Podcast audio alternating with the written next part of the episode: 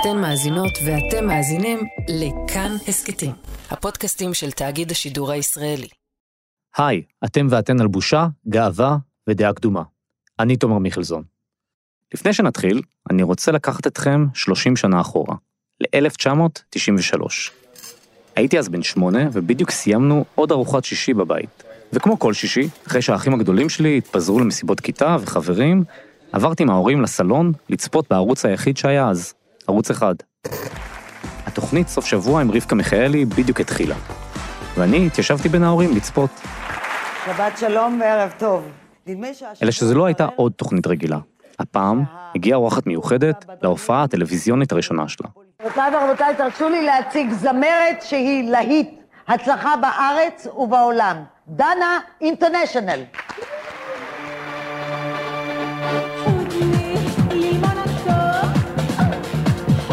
לא זוכר מה ההורים שלי אמרו או הגיבו, אבל האמת שלאף אחד לא היה ברור מה אנחנו רואים. אני כן זוכר שהתחלתי לנוע באי נוחות על הספה.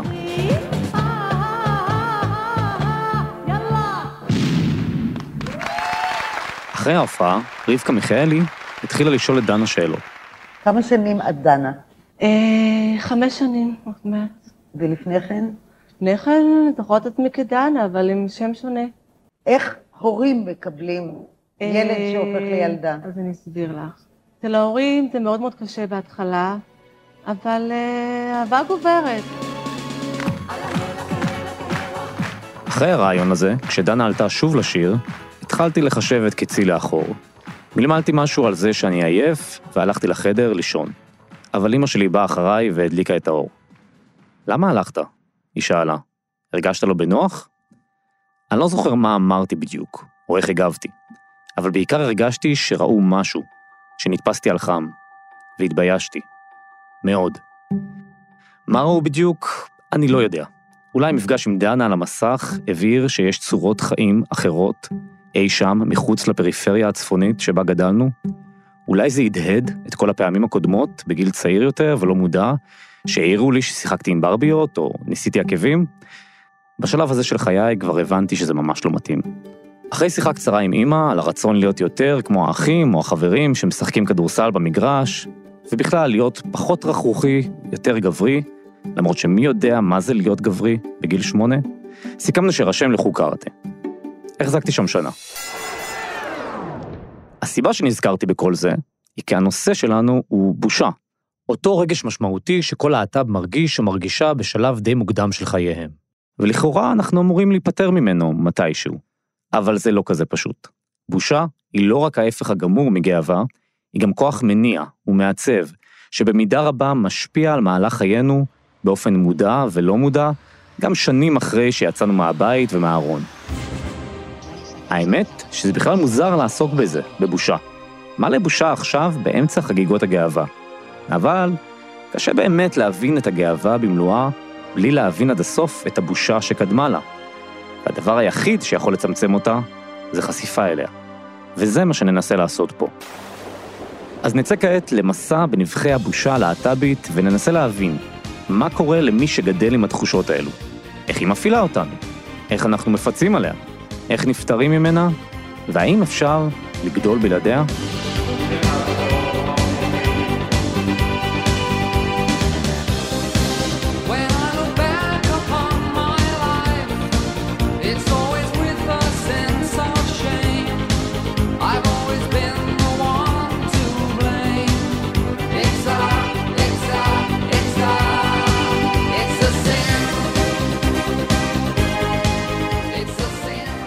כשאני מסתכל אחורה על חיי, זה תמיד עם מידה של בושה. כתבו הפצ'ו בויז כבר ב-1987.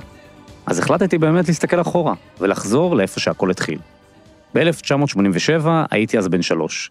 אני כמובן לא זוכר יותר מדי מאותו גיל, אבל אני מניח שזאת הייתה תקופה די כיפית. כלומר, אותו שלב ממש לא מודע, שבו לקחת את הבובות של אחותך, או לבחור בצבע ורוד, נראה לך ממש סבבה. כי מי יודע מה זה מגדר ומה זה של בנות או בנים.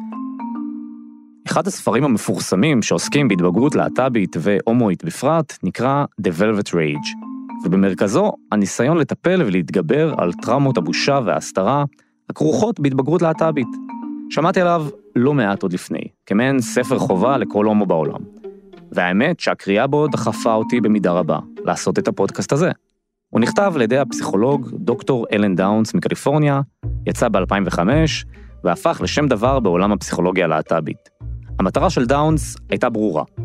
When I wrote The Velvet Rage, I wanted to cut to the core of what it's like to live with a secret, a secret that makes you believe that you're fundamentally unlovable. כשכתבתי את ה-Velvet Rage, רציתי לחתוך ללב העניין של איך זה לגדול עם סוד. סוד שגורם לך להאמין שאתה לא אהוב באופן יסודי, מסביר דאונס. והאמת שהוא עושה קצת יותר מזה. הוא מחלק באופן גס את החיים הלהט"ביים לשלושה שלבים. ההצפה בבושה בילדות, הפיצוי על הבושה בבגרות, והניסיון לחזור לחיים אותנטיים בשלב מאוחר יותר. הוא עוסק הרבה בצורך שלנו באישורים מהעולם על מי שאנחנו ואיך אנחנו נראים וקיימים בו, ועל איך הם מתישים ומדכאים אותנו. והוא בעיקר נותן עצות איך להתפתח הלאה מאותו מעגל כובל של הפנמת הבושה. למרות שהספר קצת התיישן וממוקד מדי בחוויה ההומואית, נדמה שכל כמה שנים הוא זוכה לעדנה מחודשת.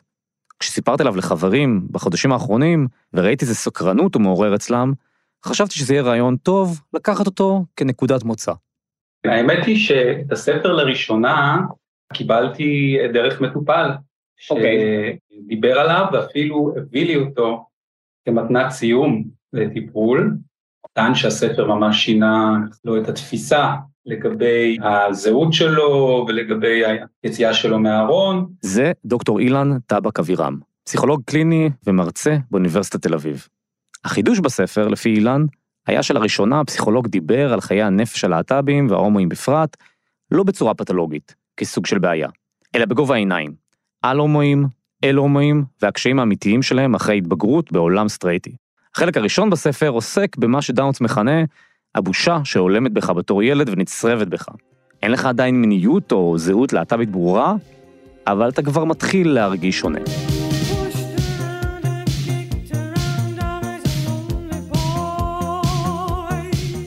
ילד אה, חש את החריגות שלו ומאוד מהר קולט שזה דבר שהוא צריך להתבייש בו. עכשיו, זו תחושה שהרבה פעמים אה, משאירה סימנים טראומטיים, זו ממש חוויה שהיא נצרבת מאוד מאוד חזק, ובעצם מאוד קשה אחרי זה להשתחרר ממנה. בעצם מה שהוא הוא, הוא אומר לנו זה שאחרי זה כל החיים אנחנו רדופים ונרדפים על ידי הצל של הבושה. בנקודה הזאת התעכבתי עם אילן. רציתי להבין איך. כלומר, איך בתור ילד חסר מודעות, שלא יודע מה זה הומואים או להט"ב, הבנתי שמה שאני מרגיש או רוצה לבטא, הוא לא בסדר. אתה ברגישותך קלטת שמדובר באיזושהי שבירה של ציפיות בסיסיות חברתיות מאוד משמעותיות, אפילו סוג של טאבו. מה, מה זה בעצם רגש הבושה? הוא בעצם איזשהו רצון של הבן אדם להיעלם. יש חוויה שהסביבה במבטים שלה, במחשבות שלה, בתפיסות שלה, מסתכלת עלינו בעיניים שהן חודרניות, רעות, מאוד ביקורתיות, מאוד שיפוטיות. כדי להתמודד עם הבושה הזאת, שקשה בכלל להבין אותה עד הסוף בגיל כל כך צעיר, אחד הדברים שאנחנו עושים הוא לפצל. את החריגות, השונות המבלבלת שאני מרגיש, אשמור בחדר האינטימי שלי. ובחוץ, אהיה הילד הנורמטיבי שמצפים ממני. מעין משחק תפקידים שכזה. זה סוג של מסכה כזאת, או סוג של פסאדה, שהמטרה שלה כמובן למנוע את הבושה. זאת אומרת, אם אנחנו מדברים שוב על הילד, על הילד הצעיר, הוא חייב לפעול, כי אחרת הוא מסתכן בעצם בדבר שהכי מפחיד אותו, שזה אובדן האהבה. הפיצול הזה, שהוא חלק ממנגנון ההישרדות, הוא משהו שגם אני חוויתי מאוד חזק. בחדר הייתי חי את הפנטזיה ההומואית המלאה, כולל שחזור קליפים של מדונה ושירי אירוויזיון, ובחוץ הייתי ילד רגיל, תלמיד מצטיין שעושה כל מה שמבקשים ממנו. יצרתי לעצמי עולם משלי, ורק חיכיתי ליום שאצא מהבית ואכבוש את העולם בבמות של לונדון או ב-MTV. יש כאלו שלא רק הסתפקו במשחקים מול המראה, אלא גם ממש צילמו את עצמם. למשל, הבמאי שאולי מלמד, שבסרט הדוקומנטרי שלו שיצא לפני שנה, מיני דיווי, הצליח ללקט דמויות מכל הקשת הלהט"בית שתיעדו את שנות ההתבגרות שלהם במצלמת וידאו. וישב איתם לצפות בחומרים מפעם. משהו מאוד מאוד חופשי, חופשי, כאילו לא על גבול החופשי מדי, אבל כאילו להתקרב, לבדוק. המצלמה נתנה לי איזשהו ביטחון להרשות לעצמי, כי כאילו אני לא בטי, אני עכשיו מביימת משהו, אני מצלמת, אני כאילו, אני כביכול יוצאת מעצמי. בעיניי זה מרחב אה, באמת מדהים. בסרט שלי הוא מתבטא במילה חדר. אה, בעצם הסרט, הרבה מאוד ממנו קורה בתוך חדרים, החדרים של הילדים. חדרים סגורים. בדיוק. הוא לא תמיד מרחב של בושה, אבל הוא תמיד מרחב מוסתר, מוחבא, מן העין. אני שנייה, בוא שנייה נתעכב על העניין של המ- המרחב, החדר הסגור. זה הרבה פעמים מתחיל דווקא, הם עושים את הדברים בסלון. זאת אומרת, יש את השלב של חוסר מודעות שאתה, סבבה, אין, בוא אני אעשה, ירים עכשיו מופע מופע. בסלון, ואז זה עובר לחדר, נכון? יש את המעבר הזה קצת, לא? נכון. אה, כן.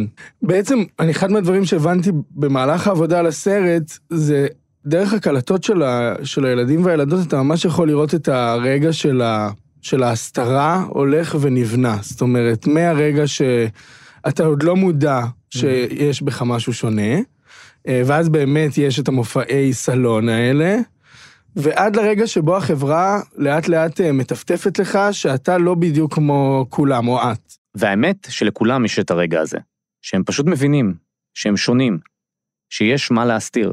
אני ממש זוכרת שהיה רגע. ועד עכשיו, אני כאילו, אתה יודע, אם היינו, אם החבורה שלי, של הבנות שהייתי חברה שלהן, אם היינו ה Spice Girls, אני חד משמעית הייתי lesbo Spice, כאילו. אבל לא קלטתי את זה, עד לרגע שבו... זאת חד משמעית מניסי.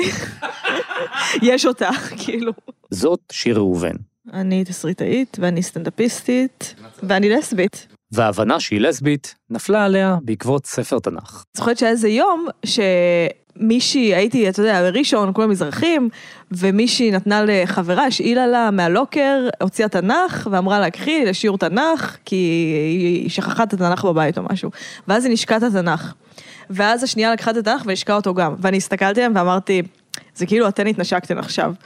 ו... והם הסתכלו עליי, כאילו אני פשוט יצורה מהתחת, ואני זוכרת שחשבתי, זה די לסבי מה שאמרתי עכשיו. כאילו, ואז אני ממש זוכרת שברגע הזה, כמו בחשוד המיידי, הנקודות התחילו להתחבר לי, והייתי כזה, אני גם אוהבת כדורגל, ואני גם לא משחקת גומי. הן היו חברות שלי, והן קיבלו אותי כמו שאני, אבל ברגע הזה שבו אמרתי את זה, הן פשוט נתנו לי מבט כזה של, אחי, מה? כאילו, איפה נסעת? זה ממש לא כאילו התנשקנו, זה לגמרי קישור שאת עשית בראש שלך.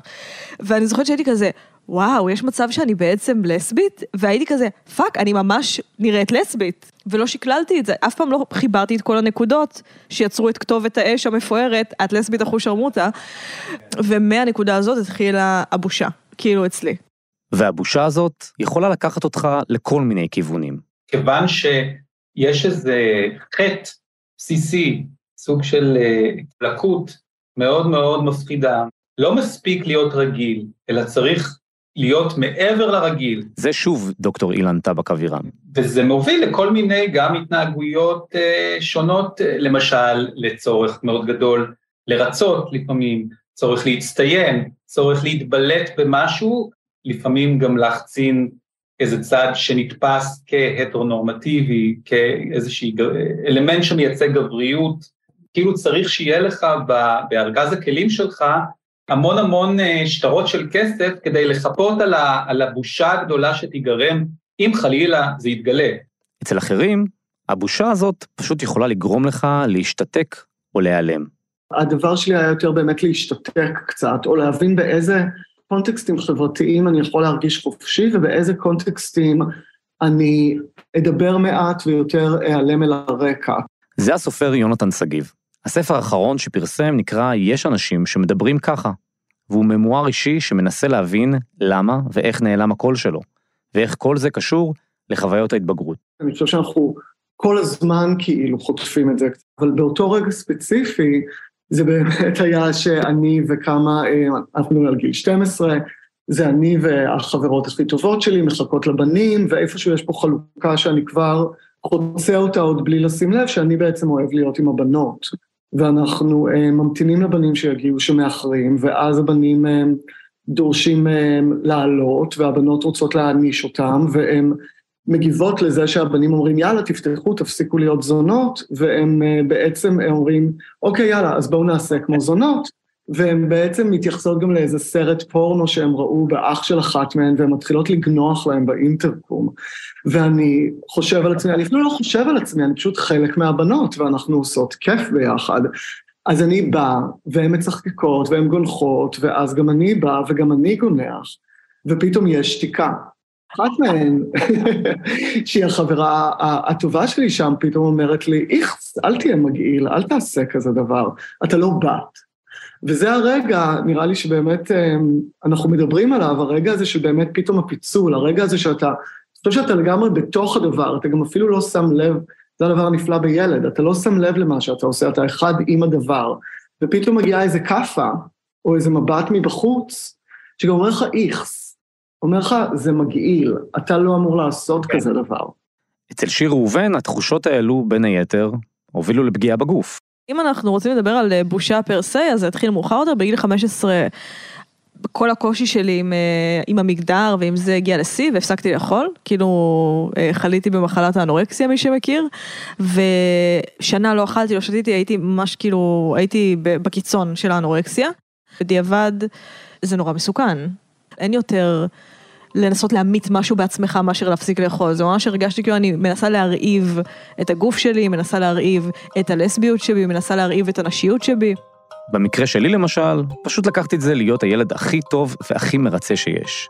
סיפורה של שפחה, גרסת ההורים. מצטיין בלימודים, מנקה את הבית, רק להיות בסדר עם כולם כל הזמן. והאמת שלקח לי די הרבה זמן להשתחרר מזה. גם זו תופעה מעניינת, שמדברים עם הומואים על גיל ההתבגרות שלהם, חלקם למעשה לא עברו גיל התבגרות מכמה אספקטים. חוץ מהעובדה שהמיניות שלהם בגיל ההתבגרות הייתה לגמרי מודחקת ומוכחשת אפילו, גם בעצם מבחינת מרד, איזושהי קריאת תיגר על המסגרות או על הסמכות ההורית, לא, לא, לא, לא הייתה כזו. הם, הם היו teenagers מאוד מאוד מרצים, מאוד ילדים טובים עד הסוף, לא ערערו על שום דבר, ולפי אילן, ההיעדר הזה גורם הרבה פעמים להשלים פערים אחר כך.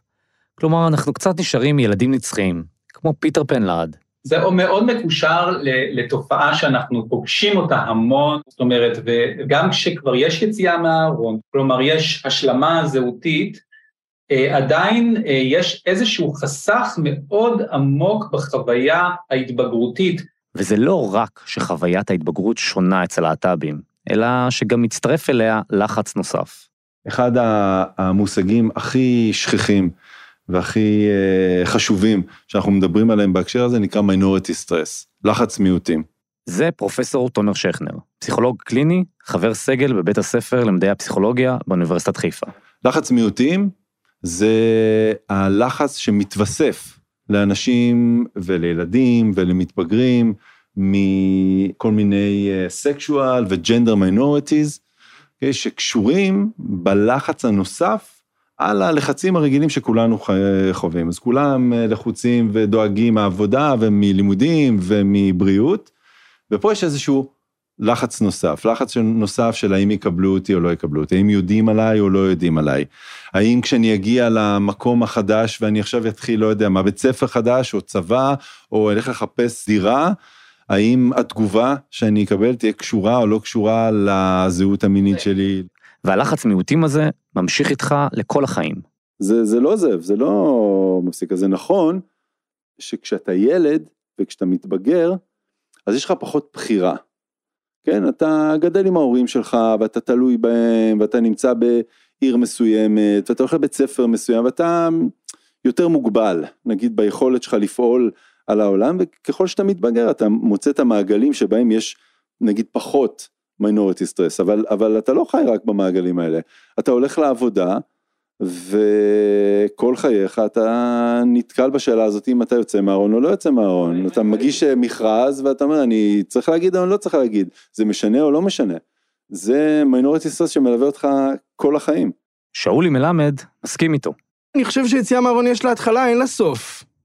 גם פיזית, כל נהג מונית שאתה נכנס כאילו, ואתה אומר, אה, מה, חזרת מבילוי, איך הבנות, ואתה צריך עכשיו כאילו, לספר לו, לא לספר לו, זה היה שתיים בלילה, אין לי כוח. וגם כי אתה כל הזמן מת, מתמודד באמת עם הסוד הזה, עם הבושה הזאת, כאילו, אתה עוד לא באמת, אה, זה לא ברגע שאמרת לאנשים, זהו, פתרת את כל העניינים. ההפך, רק התחלת עכשיו את הדרך שלך לפתור אותם. אצל שיר ראובן, היציאה מהארון התחילה עם לשים שיר של ענבל פרלמוטר בפייסבוק. בצבא זה היה פשוט השיא, כי הייתי במקום, הייתי מתחת לאדמה, ו- והיה לי קשה מאוד, ובסוף קיבלתי גימלים נפשיים מהקב"ן, שלושה חודשים, ובשלושה חודשים האלה פשוט התחלתי לשאול את עצמי שאלות. ויום אחד, אה, כאילו ישנתי צהריים כל יום, כי הייתי בכזה פעוטון של אה, השתקמות, ו... ושכבתי במיטה ואמרתי לעצמי, אוקיי, את חושבת כל הזמן, כי חשבתי על זה כל הזמן, האם אני לסבית, האם אני לא לסבית, מה שאני אומרת זה שאני לא נמשכת לאף בן מכל כל הבנים שיש בעולם, אף אחד מהם אני לא נמשכת, ואז הייתי כזה, אוקיי, בואי נחליף שנייה את השאלה. את רואה את עצמך, חיה את החיים שלך עם גבר, והייתי כזה, לא. והייתי כזה, אוקיי, את רואה את עצמך חיה את החיים שלך עם אישה, והייתי כזה, כן. ואז אני כזה, אז את לסבית, זהו, כאילו זאת התשובה, את לסבית, זה הדבר. ואז ממש התחלתי לעשות עבודה עם עצמי, ששם גם הרגשתי שאני דורכת את כל המוקשים של הבושה. כי נגיד התחיל פייסבוק אז, ואני זוכרת שהיו דברים שרציתי לשים, שירים נגיד שרציתי לשים, של לצורך העניין ענבל פרלמוטר, ואמרתי, אני לא יכולה לשים את זה כי יראו שאני לסבית. ואז שמתי את השיר. וכאילו ככה התחיל איזשהו תהליך עם עצמי, ולאט לאט הרגשתי שהתהליך הזה תקוע, כל זה נשאר רק בתוך עצמי. כלומר, זה לא מתקדם. וכמובן, לא ידעתי איפה מכירים לסביות, לא עניין אותי עדיין, אמרתי, אוקיי, אני צריכה לספר למישהו. כדי לעשות את זה, היא גייסה את הסטטיסטיקות על איידס. באתי החברה הכי טובה שלי, ישבנו בגלידה, דיברנו על איידס. ואמרתי לה, את יודעת, סתם אומרים שלהומואים יש הכי הרבה איידס, סטטיסטית לנשים סטרייטיות יש הכי הרבה איידס. אה, אז, אה, ואז היא אמרה, אז כאילו, אז היא אמרה, אז בעצם לנו יש, יש יותר סיכוי להידבק באיידס, ואז היא קיבלה טלפון.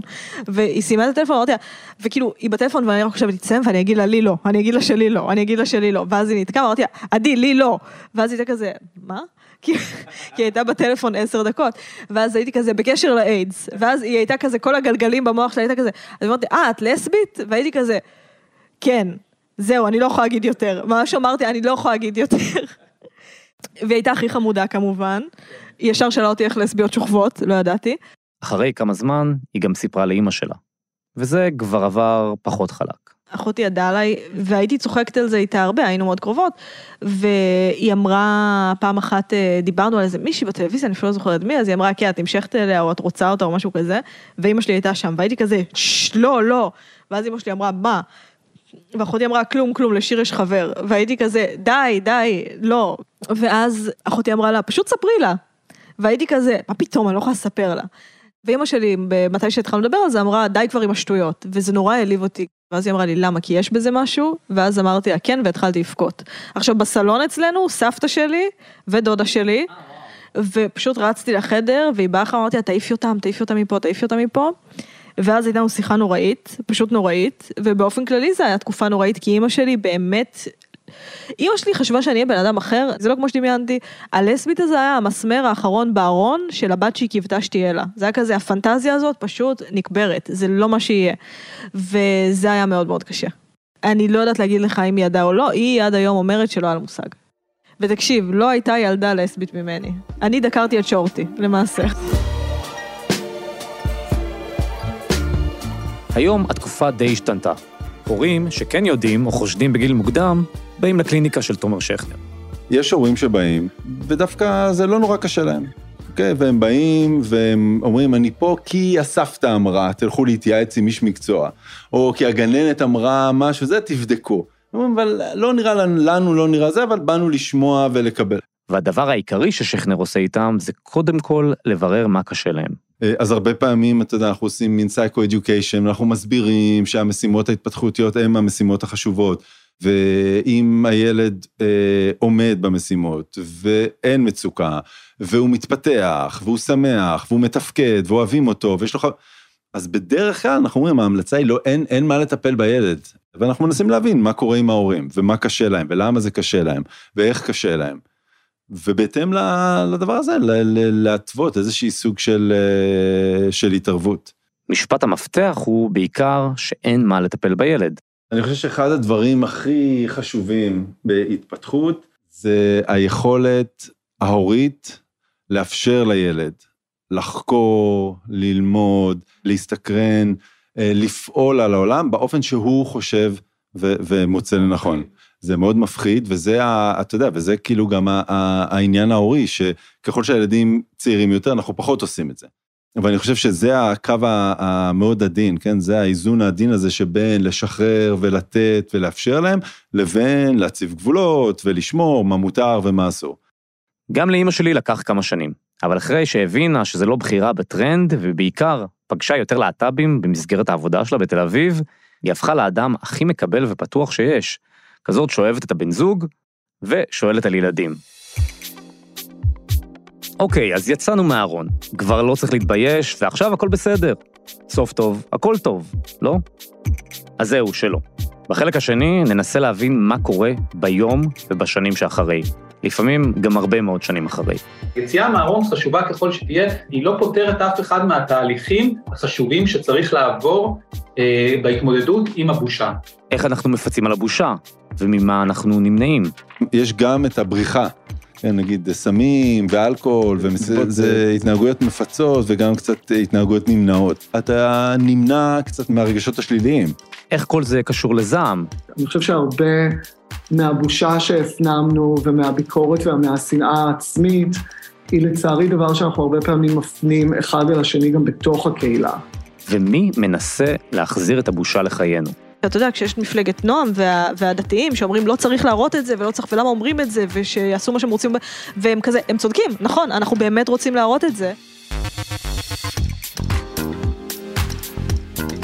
האזנתם והאזנתן לחלק הראשון של בושה, גאווה ודעה קדומה. תודה רבה לעורך כאן הסכתים, אייל שינדלר. תודה לדניאל מאורר על הסיוע בעריכה, וללי צדוק על ההפקה והסיוע בעריכה. עורך הסאונד שלנו הוא אסף רבבורט. תודה לנדב דישון, ניר צדיקריו והילה עמית על העזרה. אני תומר מיכלזון, תודה רבה לכם ולכן שהאזנתם.